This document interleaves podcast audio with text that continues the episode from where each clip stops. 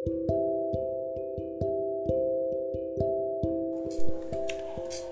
semuanya, apa kabar? Senang sekali bisa ketemu lagi dengan kamu di mana pun kamu berada sekarang dan kapan pun kamu mendengar ini. Semoga sehat selalu, semoga bahagia dan kalau bah kalau nggak bahagia pun nggak apa-apa. Hidup tetap akan baik-baik saja.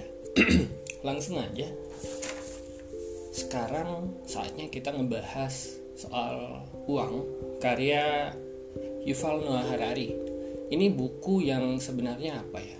E, dalam versi aslinya ini hanya buku seri seri tipis yang diekstrak dari hmm, bukan kulit manggis ya tapi dari Sapiens dan Homo Deus. Jadi ini buku yang semacam apa ya? Semacam e, ringkasan dari pembahasan dia soal uang yang ada di buku Sapiens dan buku Homo Deus. Kalau nggak salah ini ada juga versi PDF-nya ya, tapi nggak lengkap nggak selengkap bukunya yang diterbitin sama Global Indo. E, versi versi digitalnya ada kalau nggak salah, seingat saya itu di situsnya situs pribadi Harari. e, nah di versi fisiknya sendiri yang diterbitkan oleh Global Indo di Indonesia, buku ini tampaknya dilengkapi dengan beberapa penjelasan soal artificial intelligence yang kita tahu ada di Homo Deus yang apa ya mungkin ini ditambahkan karena itu krusial ya uh, untuk masa depan kita nanti. Karena kita tahu hal-hal yang biasanya jangka panjang dan tidak tampak saat ini yang impactnya belum kena ke kita sekarang itu biasanya yang paling penting ya. Dan mungkin uh, saya tidak tahu tapi sepertinya penerjemahnya punya kebijaksanaan dan punya pertimbangan tersendiri untuk menambahkan uh, bagian itu.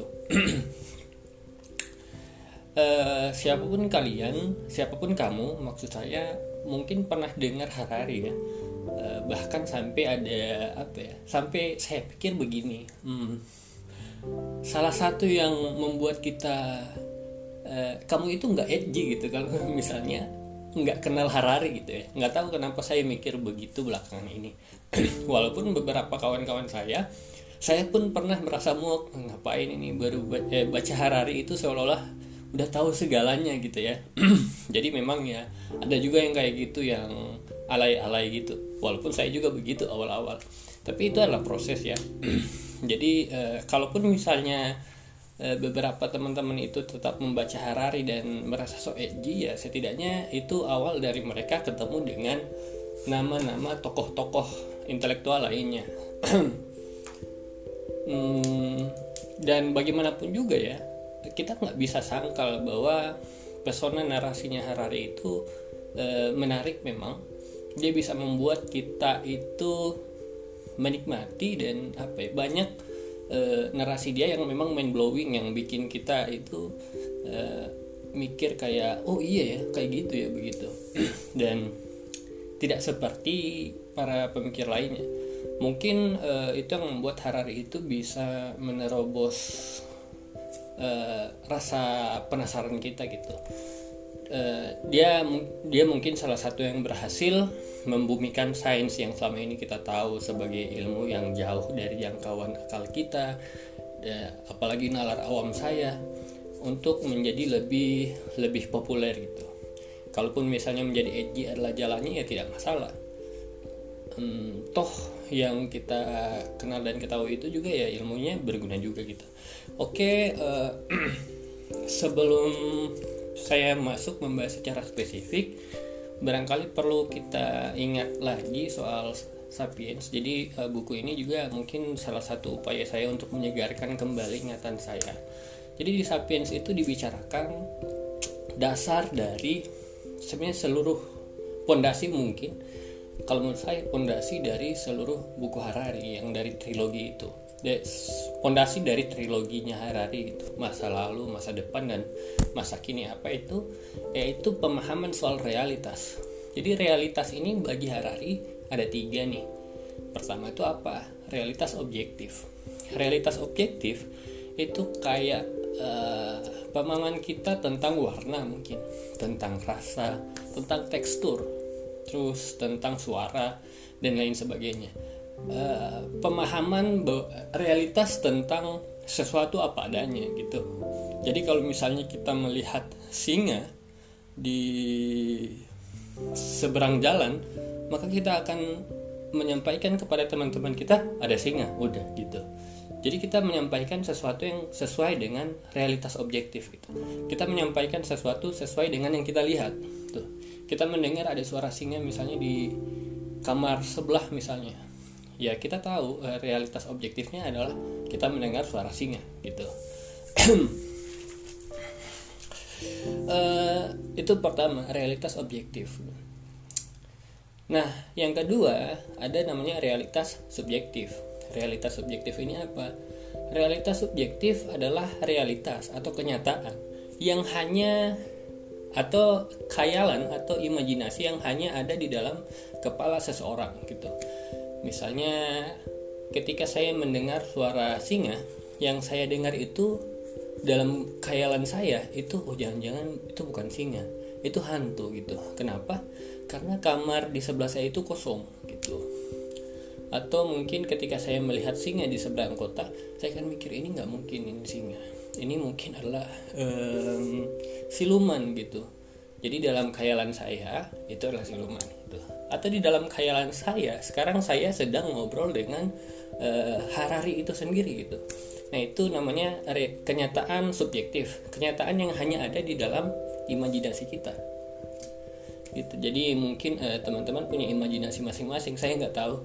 Uh, ada teman saya yang imajinasinya adalah dia pacaran sama um, sama Blackpink misalnya Lisa Blackpink ya. Itu realitas subjektif dia.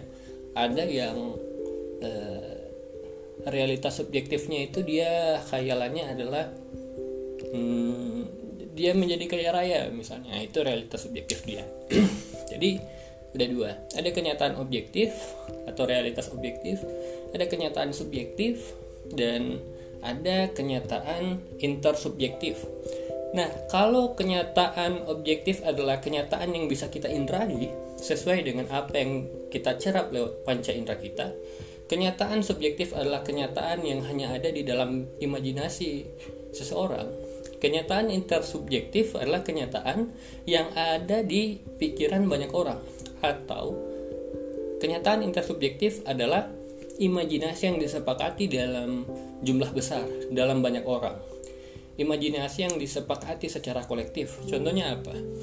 Contohnya eh, Indonesia. Indonesia itu ada apa enggak? Indonesia itu kagak ada ya. Yang ada itu hanya eh, batas-batas uh, teritorial pemerintah yang diisi oleh banyak masyarakat yang diatur oleh sebuah pemerintah yang diakui oleh negara lain yang kita sebut Indonesia. Indonesia itu sendiri hanyalah fiksi kata Harari. Terus apalagi? Um, uh, apalagi ya HAM hak asasi manusia ada nggak hak asasi manusia itu? Uh, ada, tapi dia adanya sebagai fiksi doang gitu, sebagai imajinasi atau bahasa Harari ya fiksi apakah ada yang disebut dengan duit duit itu ada tapi adanya itu sebagai fiksi gitu uh, duit itu ya apa ya? Duit itu yang kita lihat selama ini misalnya kertas warna-warni itu itu hanya kertas. Pada dasarnya dia hanya kertas. Secara objektif dia hanya kertas. Tapi secara intersubjektif dia adalah uang yang memiliki nilai. Buktinya apa? Selama ini uh, kita tahu kemampuan intersubjektif itu hanya dimiliki oleh manusia. Hewan sendiri dia itu hidup dalam kenyataan objektif. Apa yang dia indrai adalah apa yang uh, apa yang mereka terima gitu. Jadi kalau misalnya mereka melihat duit kertas, duit mereka itu tidak akan menukarnya dengan pisang gitu. Kenapa? Karena yang mereka lihat itu bukan uang, tapi kertas doang tuh. Kalau pisang, kalau misalnya kita mau barter ya sama monyet misalnya ya nyet gue beli dong pisang lu gitu. Nih 100 ribu gitu. Monyetnya pasti akan kesel gitu. Ya pisang yang kita beli itu kan bisa dimakan. Kertas yang kita kasih 100 ribu yang kita kasih itu kertas yang tidak bisa dimakan oleh monyet. Mungkin monyet akan tersinggung gitu. Apa-apaan kamu? Memangnya saya manusia apa gitu? Dan uh, itu yang disebut dengan realitas intersubjektif. Dan di antara semua realitas intersubjektif entah itu HAM entah itu hukum entah itu negara entah itu bendera kita tahu bendera itu kan dia tidak bisa menangis, dia tidak bisa berdarah gitu. Tapi kenapa kita rela untuk membelanya? Itu karena yang kita bela itu bukan bendera merah putihnya, tapi fiksi, keyakinan imajiner kita terhadap bendera itu bahwa bendera itu sakral. Dan di antara semua realitas atau kenyataan intersubjektif, fiksi yang paling kuat dia dimenangkan oleh uang. dan sehingga ya mungkin itu ya. Dan terutama terutama zaman ini adalah zaman yang zaman modern yang apa ya? Yang di mana kekayaan itu atau kapitalisme itu sering disangkut pautkan dengan uang. Sehingga mungkin pentingnya uang itu disengaja dibikin satu ulasan khusus oleh Harari diberikan tempat terkhusus untuk dibahas. Buku ini um, juga uh, membahas sedikit anekdot ya. Jadi ya seperti, kita tahu Harari itu kan uh, salah satu tokoh intelektual yang senang dengan anekdot ya. Karena memang yang anekdot itu lebih gampang diterima daripada yang pakai data atau apa ya lain sebagainya. Dan lebih gampang diingat dan lebih gampang memukau orang dibandingkan data statistik yang terlihat kaku. Jadi um, ada banyak fakta di sini soal uang dan ada beberapa sejarah uang dan kenapa sampai eh, perjalanan uang dari awalnya hanya barter dan kemudian menjadi uang kertas seperti yang yang kita pegang atau yang berada di dalam dompet kita atau berada di dalam uh, rekening bank kita masing-masing. Jadi mungkin saya pernah bahas ya di ulasan saya soal World of Nation-nya uh, Adam Smith yang tentang kenapa sampai awalnya ada uang. Jadi awalnya kan barter ya. Uh, sedikit pengulangan awalnya barter. Kemudian uh, sampai ada satu ketika di mana barter ini mengalami keterbatasan.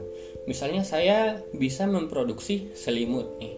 Tapi tetangga saya eh, dan tetangga saya bisa memproduksi hmm, kentang misalnya atau misalnya klepon ya saya misalnya bisa memproduksi selimut tetangga saya itu bisa memproduksi klepon karena saya bisa bikin selimut tapi saya butuh makan saya nggak bisa memproduksi makanan. Artinya saya butuh klepon dari tetangga saya. Tapi masalahnya tetangga saya itu tidak butuh selimut dari saya gitu. Akhirnya pertukaran atau barter itu nggak bisa terjadi. Jadi saya pengen barter nih selimut saya dengan kleponnya tetangga. Tapi tetangga itu tidak butuh selimut saya makanya barter nggak bisa terjadi. Akhirnya harus ada alat tukar alternatif dan itu apa? Itu kemudian uang. Jadi disepakati. Apa alat tukar alternatif lain? Kalau misalnya si tukang klepon itu nggak butuh selimut akhirnya dipikirin oh uang aja. Jadi uang zaman dulu itu ada banyak. Ada uh, kerang gitu. Terus um, ada kulit sapi terus ada dan banyak lagi ya tapi akhirnya dipilih yang paling langka. Yang paling langka itu misalnya metal emas dan perak dan lain sebagainya. Tapi masalahnya emas dan perak dan benda-benda metal ini itu susah dibawa ke mana-mana. Jadi bayangin kalau misalnya kita itu mau beli 1000 Krabby Patty misalnya di Krusty Krab. Masalahnya kan um, kasihan Squidwardnya capek gitu buat ngitungin berat dari uh, nilai daripada emas dan perak yang kita bawa gitu ya. Dan itu bisa menghambat banyak waktu. Jadi tidak efisien. Akhirnya dicari lagi apa yang paling sederhana. Oh uang aja. Itu jadi dulu berbentuk koin gitu ya. Dan sekarang sudah mulai berbentuk kertas yang kalau kita telusuri lagi kertas itu sebenarnya hanyalah surat utang ya. Zaman dulu itu surat dan uang itu ada banyak macam juga ya. Hmm, salah satu yang baru saya sadar ya di buku Harari yang mana ini salah satu jenis uang itu kayak rokok. Rokok bisa jadi uang di mana? Di penjara itu saya ingat langsung ingat salah satu film favorit saya The Shawshank Redemption. Tuh jadi mereka itu di dalam penjara alat tukar yang paling berharga lebih berharga daripada duit itu adalah rokok gitu. Jadi mereka itu taruhannya nggak pakai duit tapi eh, berapa rokok gitu. Dan di sana itu orang kaya itu adalah orang yang banyak rokok walaupun dia nggak perokok gitu. Aneh banget. Tapi itu ya artinya uh, uang itu relatif banget dan dia sangat tergantung dari kesepakatan itu gitu. Jadi lagi-lagi ya kita mau kita rokok bisa menjadi uang bisa. Kuncinya adalah kalau misalnya kita sepakati bahwa rokok itu adalah uang lagi-lagi balik lagi soal realitas intersubjektif atau uh, fiksi yang disepakati secara kolektif.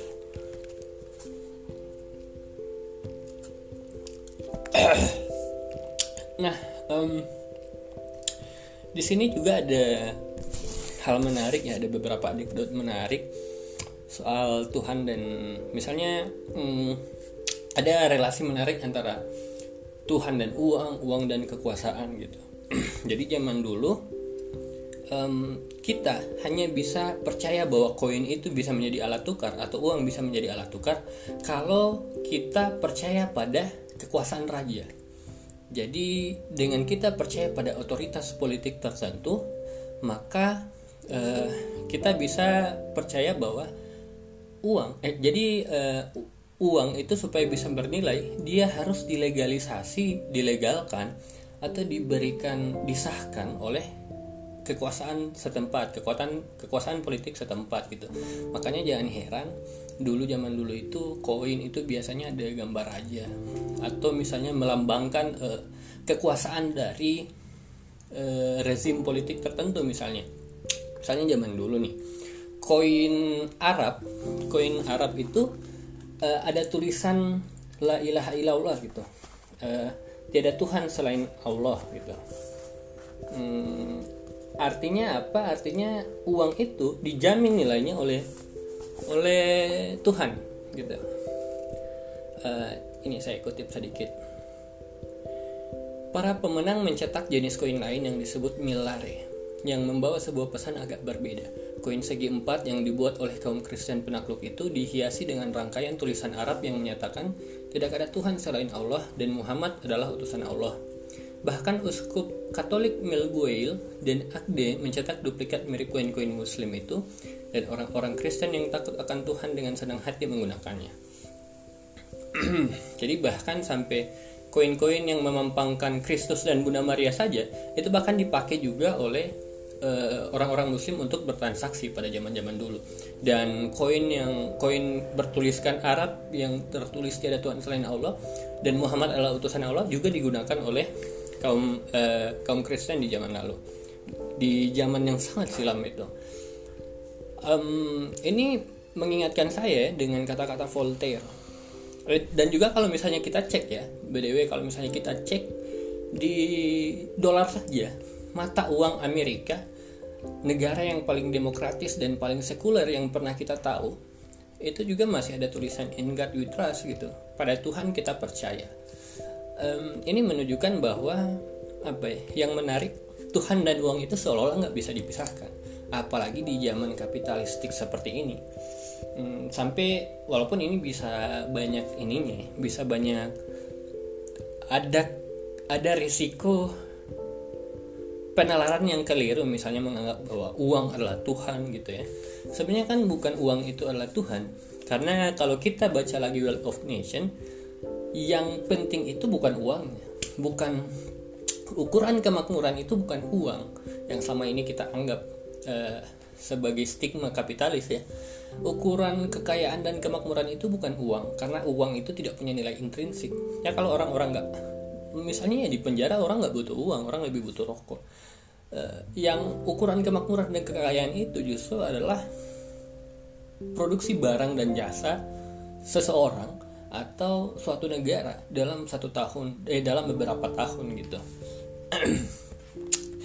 Tapi ya itu anekdotal ya. Um, tapi ini yang menarik bahwa uh, bahwa seolah-olah Tuhan dan uang agama dan uang itu nggak bisa dipisahkan dan saya ingat Voltaire yang berkata bahwa semua orang itu agamanya sama di depan uang jadi kita itu boleh saja fiksi kita itu berbeda-beda realitas intersubjektif kita itu berbeda-beda uh, kita boleh berbeda konsep tentang HAM.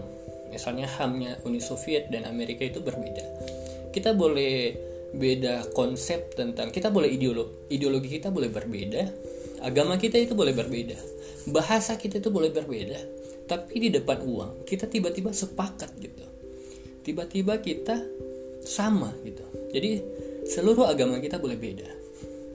Tapi di depan uang kita itu punya Tuhan yang sama gitu uh, jadi kalau kalau saya boleh bilang uh, uang itu adalah wujud perwujudan dari uh, toleransi dan pluralisme yang tertinggi gitu karena sekalipun um, misalnya masyarakat Kristen dan Islam itu berperang bertarung gitu ya saling apa ya saling uh, saling bertarung di suatu wilayah misalnya di satu wilayah di timur pada 20 tahun yang lalu, toh mereka berdagang dengan mata uang yang sama gitu. Sekalipun Indonesia dan Malaysia itu punya sentimen yang eh, bahkan akan perang sekalipun, akan eh, kita setrika sekalipun Malaysia itu, ya sama-sama punya pemahaman yang sama, sama-sama bersepakat di depan mata uang dolar misalnya. Kendati pun misalnya dua orang di dalam satu penjara itu berantem ya kalaupun mereka berdagang mereka tetap aja pakai rokok gitu jadi uh, mungkin ya uh, semua orang boleh berperang atas nama segala macam politik identitas dan tetek bengeknya. Tapi dengan uang kita kemudian akan lebih bertoleransi dan uh, membangun pluralisme. Jadi uang ini kayak ya apa ya satu keyakinan tunggal yang membuat segala perbedaan itu tiba-tiba terjembatani. Nah itu uh, itu sok-sokan sok-sok bijak itu. Sok-sok pesan moral. Oke. Apalagi yang akan saya bahas di sini. Ada juga yang menarik yaitu soal kredit ya. Um, jadi kredit ini ini menarik. Kredit ini soal kredit ya. Ini kredit ini salah satu pembahasan penting yang selalu dibahas oleh Harari. Entah kalau nggak salah di Sapiens itu dia pernah bahas juga dan diulangi juga di Money ini dan saya juga pernah ikut uh, kuliah dia secara YouTube ya soal bagaimana kredit bekerja yang sebenarnya merupakan pondasi dari ekonomi modern jadi kredit ini um, pertama-tama dia mulai bicara soal ekonomi modern. Apa yang paling penting, karakteristik paling penting daripada ekonomi modern adalah pertumbuhan. Jadi dia bandingin produk domestik bruto dunia tahun 500 tahun yang lalu dan tahun ini itu berbeda jauh. 500 tahun lalu, tahun 1500 PDB dunia atau produksi barang dan jasa dunia itu hanya 250 miliar dolar per tahun. Tahun 2013 kemarin, produksi domestik bruto dunia itu meningkat jadi 60 eh, triliun dolar. Banyak banget ya.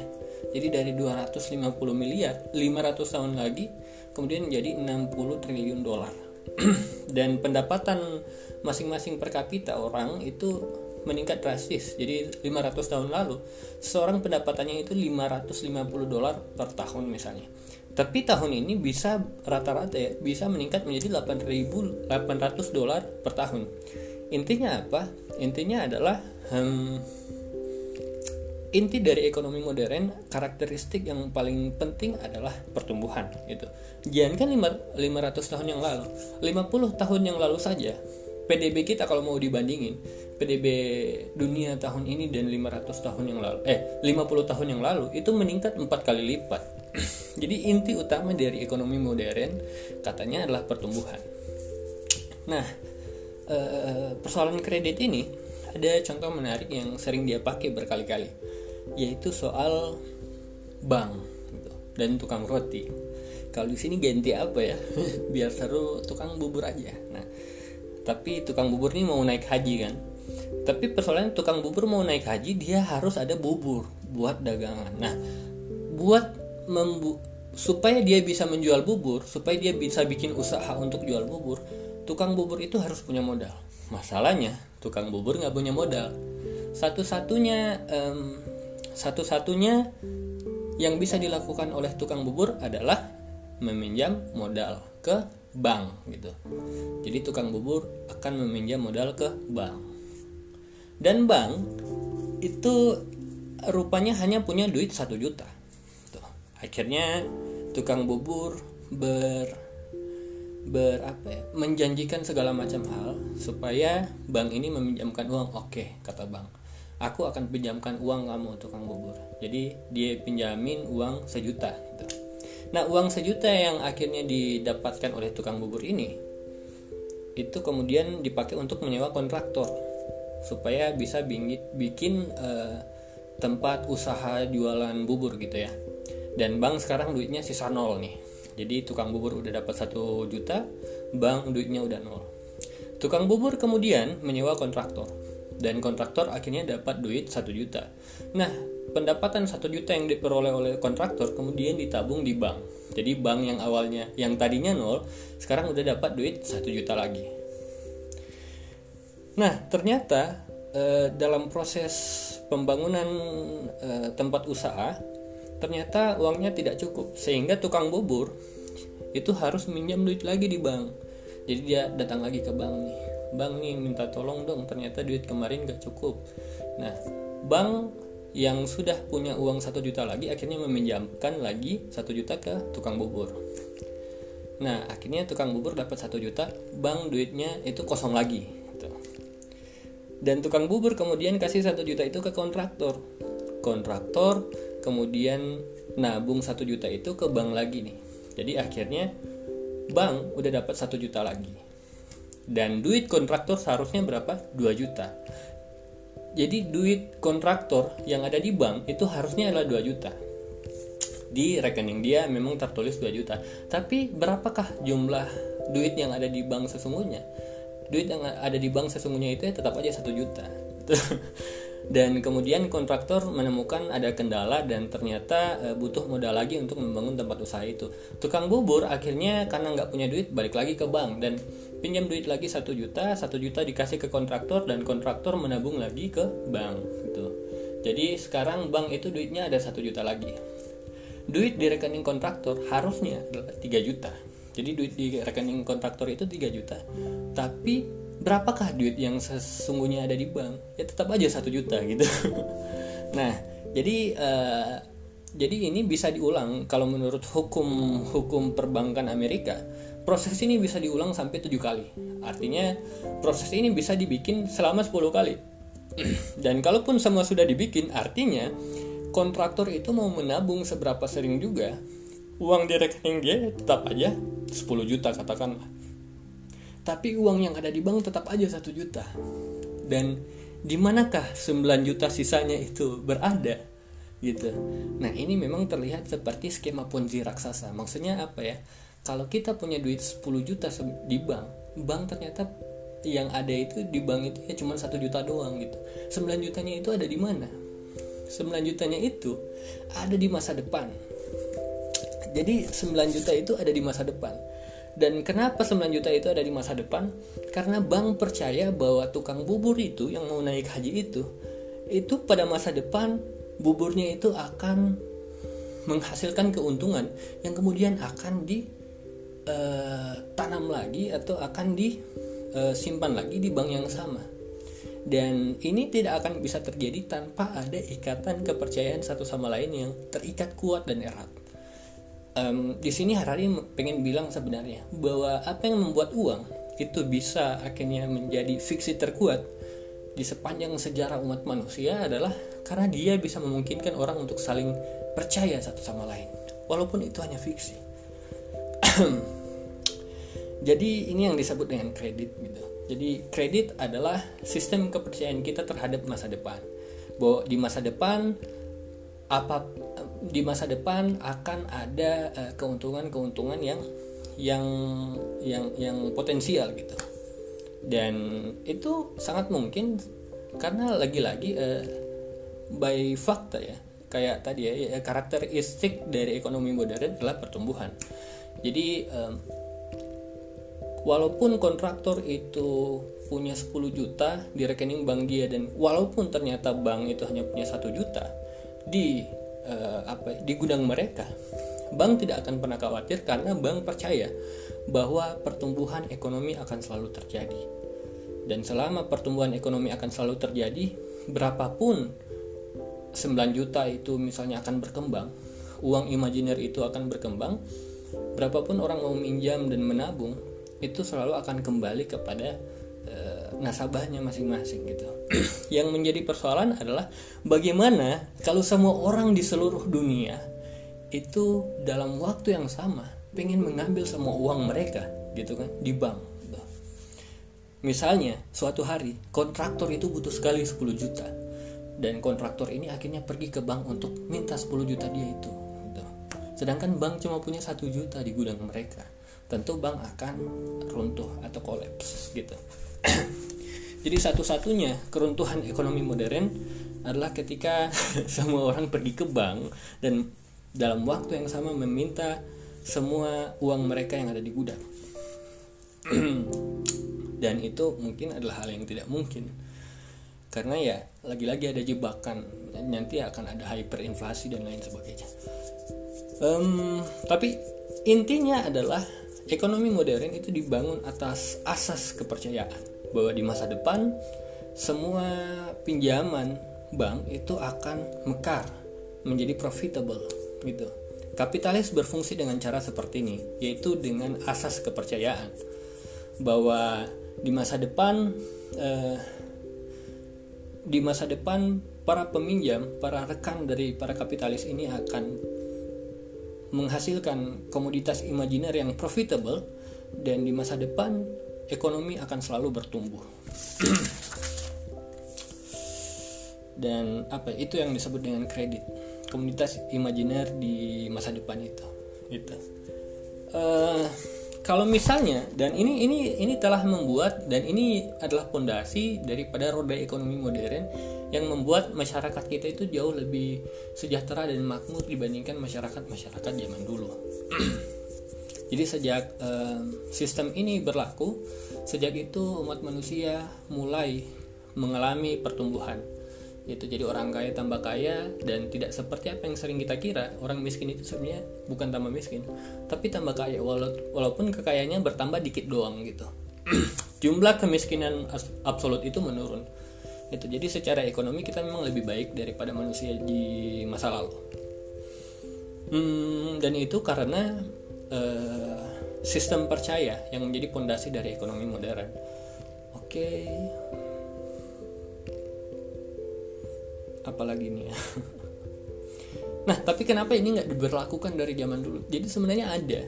Zaman dulu sekalipun itu um, jadi 5000 tahun yang lalu masyarakat Sumeria kuno bahkan diketahui uh, sudah mempraktikkan ini pinjam meminjam ini sudah dipraktikkan oleh zaman 5000 tahun yang lalu Sumeria kuno. Tapi kenapa dia tidak membuat kemak peningkatan kemakmuran yang signifikan peningkatan PDB yang signifikan? Kenapa itu tidak terjadi?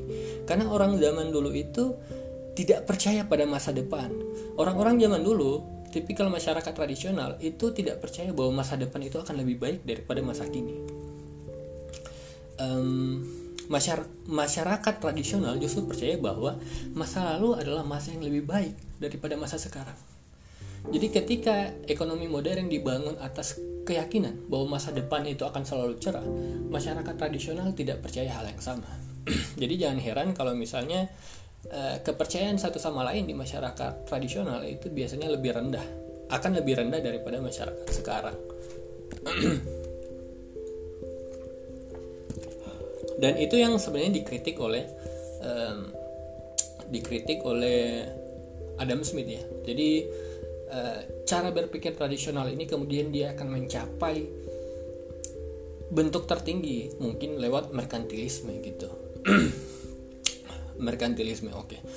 uh, dan apalagi ya dan itu jadi dalam masyarakat tradisional ada anggapan bahwa masa depan itu pasti akan buruk sehingga jangan heran masyarakat tradisional itu biasanya enggan dengan disrupsi atau takut dengan disrupsi takut dengan gelombang teknologi yang akan mendatangi kita gitu tapi masyarakat modern itu percaya bahwa masa depan itu pasti akan lebih bagus Eh, dan itu yang membedakan kita dengan masyarakat tradisional. Masyarakat tradisional ya wajar aja kalau misalnya pertumbuhan ekonominya itu lamban atau bahkan stagnan sama sekali. Karena mereka itu tidak percaya bahwa masa depan akan lebih baik sehingga tidak berani um, berinvestasi terhadap masa depan. Beda dengan ekonomi modern yang sudah kita bicarakan tadi lewat tukang bubur dan lain sebagainya yang menggantungkan nasib mereka kepada keyakinan bahwa masa depan itu akan cerah dan baik-baik saja. nah, apalagi? uh, oh ya, ada juga hal menarik di sini. Jadi uh, masyarakat tradisional menganggap bahwa ekonomi dunia itu kayak hmm, kayak raksasa gitu. Apa ya, pai itu ya? ganti aja tumpeng ya gitu Nah, jadi uh, masyarakat tradisional selain tidak percaya terhadap masa depan, mereka juga percaya bahwa ekonomi dunia itu tidak lebih dari tumpeng raksasa. Mau dari arah mana pun kita akan memotong tumpeng itu, tumpeng itu kemudian akan um, apa ya? Mau dari arah mana pun kita memotong tumpeng, tumpeng itu akan berkurang jumlahnya gitu kan. Um, permasalahannya adalah masyarakat tradisional menganggap bahwa tumpeng itu tidak akan bertambah besar. Jadi karena tumpeng itu tidak akan bertambah besar, orang-orang itu kan akan berebutan siapa yang mendapat bagian lebih besar gitu kan. Nah, saya pengen bagian yang lebih besar dari tumpengnya gitu karena saya lapar. Dan itu memungkinkan ada risiko bahwa orang lain itu tidak kebagian tumpeng. Gitu. Jadi masyarakat tradisional menganggap bahwa ekonomi dunia itu bak tumpeng raksasa yang memungkinkan ada orang yang nggak kebagian tumpeng. Makanya masyarakat tradisional menganggap bahwa keserakahan atau upaya untuk memburu uh, kekayaan berlebihan itu adalah dosa. Kenapa? Karena semakin seseorang memiliki banyak kekayaan, semakin banyak tumpeng yang bisa dia ambil untuk dia makan ada orang di bagian lain yang tidak kebagian tumpeng gitu atau orang miskin yang tidak kebagian keuntungan ekonomi. Jadi jangan heran eh, banyak eh, agama apalagi agama zaman dulu agama abrahimistik yang menganggap bahwa um, orang kaya itu dekat dengan dosa. Seperti kata ayat lama ya di dalam agama monoteis lebih gampang seekor unta memasuki lubang jarum daripada orang kaya memasuki kerajaan surga gitu. Jadi kekayaan dan surga itu seolah dua hal yang sangat sangat jauh gitu ya. Ya itu jadi dianggap bahwa masyarakat tradisional menganggap bahwa um, kita itu hanya bisa kaya dengan merampok orang lain gitu. Jadi itu dua anggapan eh, itu dua hal yang mencirikan ekonomi tradisional. Pertama bahwa mereka tidak percaya terhadap pertumbuhan ekonomi yang sudah dibantah oleh statistik. Dan kedua mereka menganggap bahwa um, masyarakat tradisional menganggap bahwa Ekonomi dunia bak tumpeng raksasa yang tidak bisa bertambah besar. Padahal sesuai data PDB dunia 1500 dan tahun 2000 sekarang, itu PDB-nya itu meningkat pesat. Artinya apa? Tumpeng ekonomi dunia itu akan selalu meningkat gede gitu. Jadi eh, pandangan itu terbantahkan. Um, makanya itu menyebabkan bahwa masyarakat prakapitalis atau masyarakat tradisional itu dia susah untuk maju karena mereka itu susah untuk melakukan aktivitas kayak kredit tadi. Kredit yang seperti dilakukan oleh tukang bubur tadi. Padahal semakin apa ya, semakin besar kemungkinan orang untuk kredit dan meminjam uang untuk membangun usaha yang profitable semakin mungkin tukang bubur tadi itu akan naik haji juga. Dan semakin banyak misalnya ya kalau kita misalnya mau bicara apa keuntungan kapitalisme modern terhadap agama ya semakin mungkin itu pertumbuhan ekonomi semakin tinggi maka orang-orang penghasilannya semakin tinggi. Semakin tinggi penghasilan mereka semakin banyak zakat yang bisa mereka distribusikan kepada orang-orang lain gitu. Dan apalagi ya? Nah itu sih. Nah, itu salah satu topik menarik ya soal kredit. Oke, apalagi nih? Nah, di buku ini juga Mani ini Harari kembali mengulas atau setidak saya, setidaknya menurut saya buku ini kembali mengingatkan kita soal masa depan. Soal masyarakat pasca kerja. Atau masyarakat di mana kerja itu sudah semakin langka karena sudah di take over oleh robot robotan gitu. Oleh Doraemon gitu ya. Saya sering pakai istilah Doraemon ya. Doraemon itu kan um, nenek moyang eh bukan nenek moyang sih Doraemon itu kan uh, mungkin Doraemon itu adalah nubuat dari Fujiko Fujihio bahwa masa depan nanti kita semua adalah Nobita yang akan cengeng manipulatif yang sangat bergantung pada teknologi artificial intelligence gitu. Uh, tapi yang menarik juga di sini ya kita memang harus waspada sih soal artificial intelligence karena lagi-lagi ya dia bisa me, merenggut merenggut uh, apa yang membuat kita merasa menjadi manusia yaitu pekerjaan.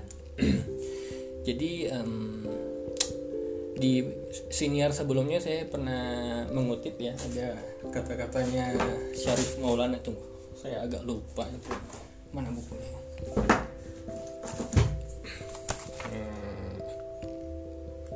Soal pekerjaan.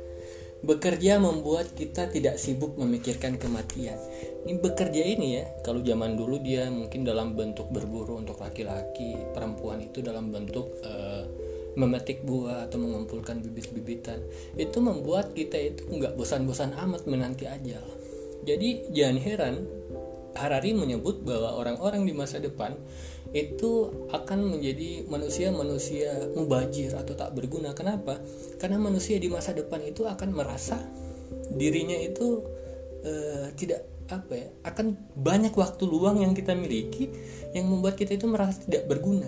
Jadi pekerjaan ini mungkin adalah distraksi kita supaya kita tidak memikirkan ajal terus menerus. Nah kalau misalnya pekerjaan udah nggak ada ya kita akhirnya bakal banyak ketakutan dengan uh, teror kematian gitu ya.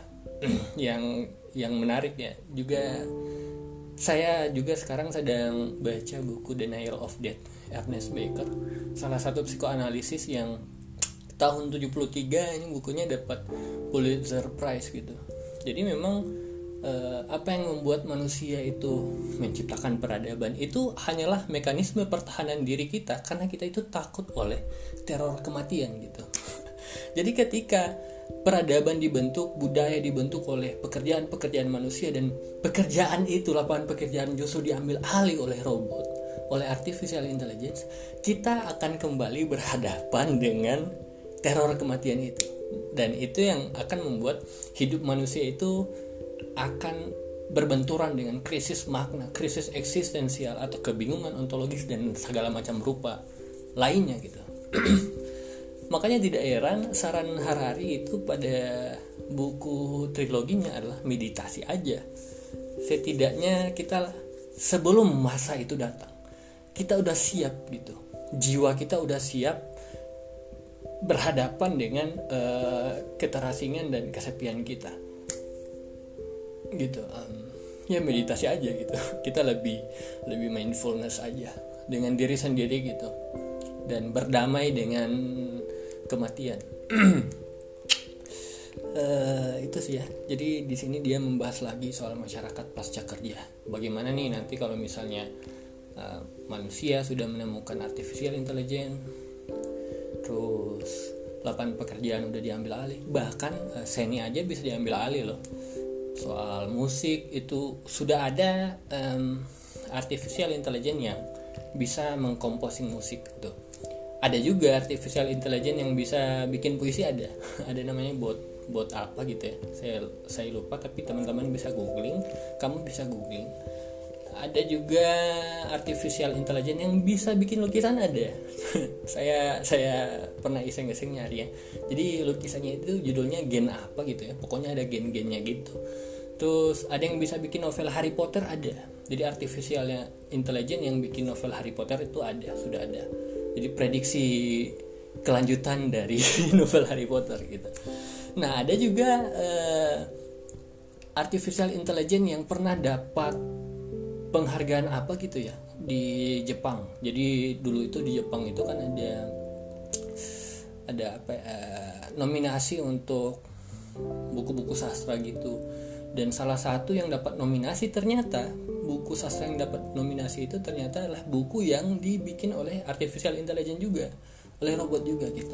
Jadi walaupun uh, soal latar waktu, plot cerita dan lain sebagainya garis umumnya itu dibikin oleh manusia, tapi apa yang terjadi di dalam itu dibikin oleh ceritanya itu disusun oleh artificial intelligence. Ada juga robot yang udah jadi apa sih um, konduktor orkestra ada dan itu menarik yang konduktor orkestra itu uh, saya pernah lihat itu di share ke grup Facebook Laboratorium Yuval Harari itu pas saya searching lagi jadi ternyata um, robot ini punya robot yang jadi konduktor orkestra itu yang sering apa sih? Teman-teman tahu nggak yang pegang pegang tongkat kecil terus uh, memandu arah musik? Nah dia kan biasa ngontrol tempo terus dia ngontrol kelembutan dan kekasaran dari irama musik ya. Jadi si robot ini dia uh, suka ngaco gitu. Jadi kadang-kadang suka jadi dia kayak apa ya kayak spontan gitu robotnya. Jadi nggak dibikin nggak dibikin apa ya? jadi robotnya itu dibikin sengaja uh, sesuka hati gitu. Robotnya ketika lagi konser itu robotnya bisa menaikkan tempo sesuka hati. Terus kadang-kadang suka nyanyi di tengah-tengah lagu. Terus apalagi ya? Hmm, ya kadang-kadang dia pokoknya nggak bisa ditebak. Dan itu justru yang bikin yang bikin robot itu justru berkata bahwa oh, ini adalah musik avant-garde gitu musik masa depan di mana kita itu bisa beradaptasi menyeimbangkan diri dengan spontanitas dan keacakan dari algoritma robot ini mau mau ngapain dia gitu.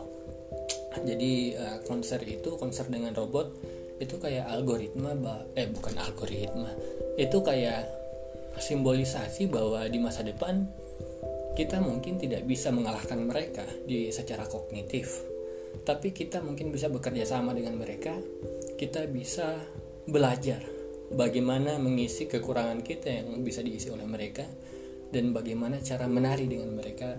Walaupun tarian itu adalah tarian yang acak dan butuh sangat banyak improvisasi. Nah itu sih yang penting ya eh, soal masa depan. Dan kita harus lebih banyak memikirkan anak cucu kita itu akan bagaimana nanti. Hmm, apakah pekerjaan-pekerjaan selama pekerjaan yang kita bikin itu punya relasi atau melibatkan menuntut kerja kognitif selama itu mungkin pekerjaan itu bisa saja diambil alih oleh robot dan Doraemon lain atau bahkan bisa diambil alih oleh Terminator. Kita harus mulai memikirkan bagaimana nanti apa yang masa depan seperti apa yang akan ditinggali oleh anak cucu kita dan kita harus belajar bagaimana cara mempersiapkan diri untuk menghadapi itu.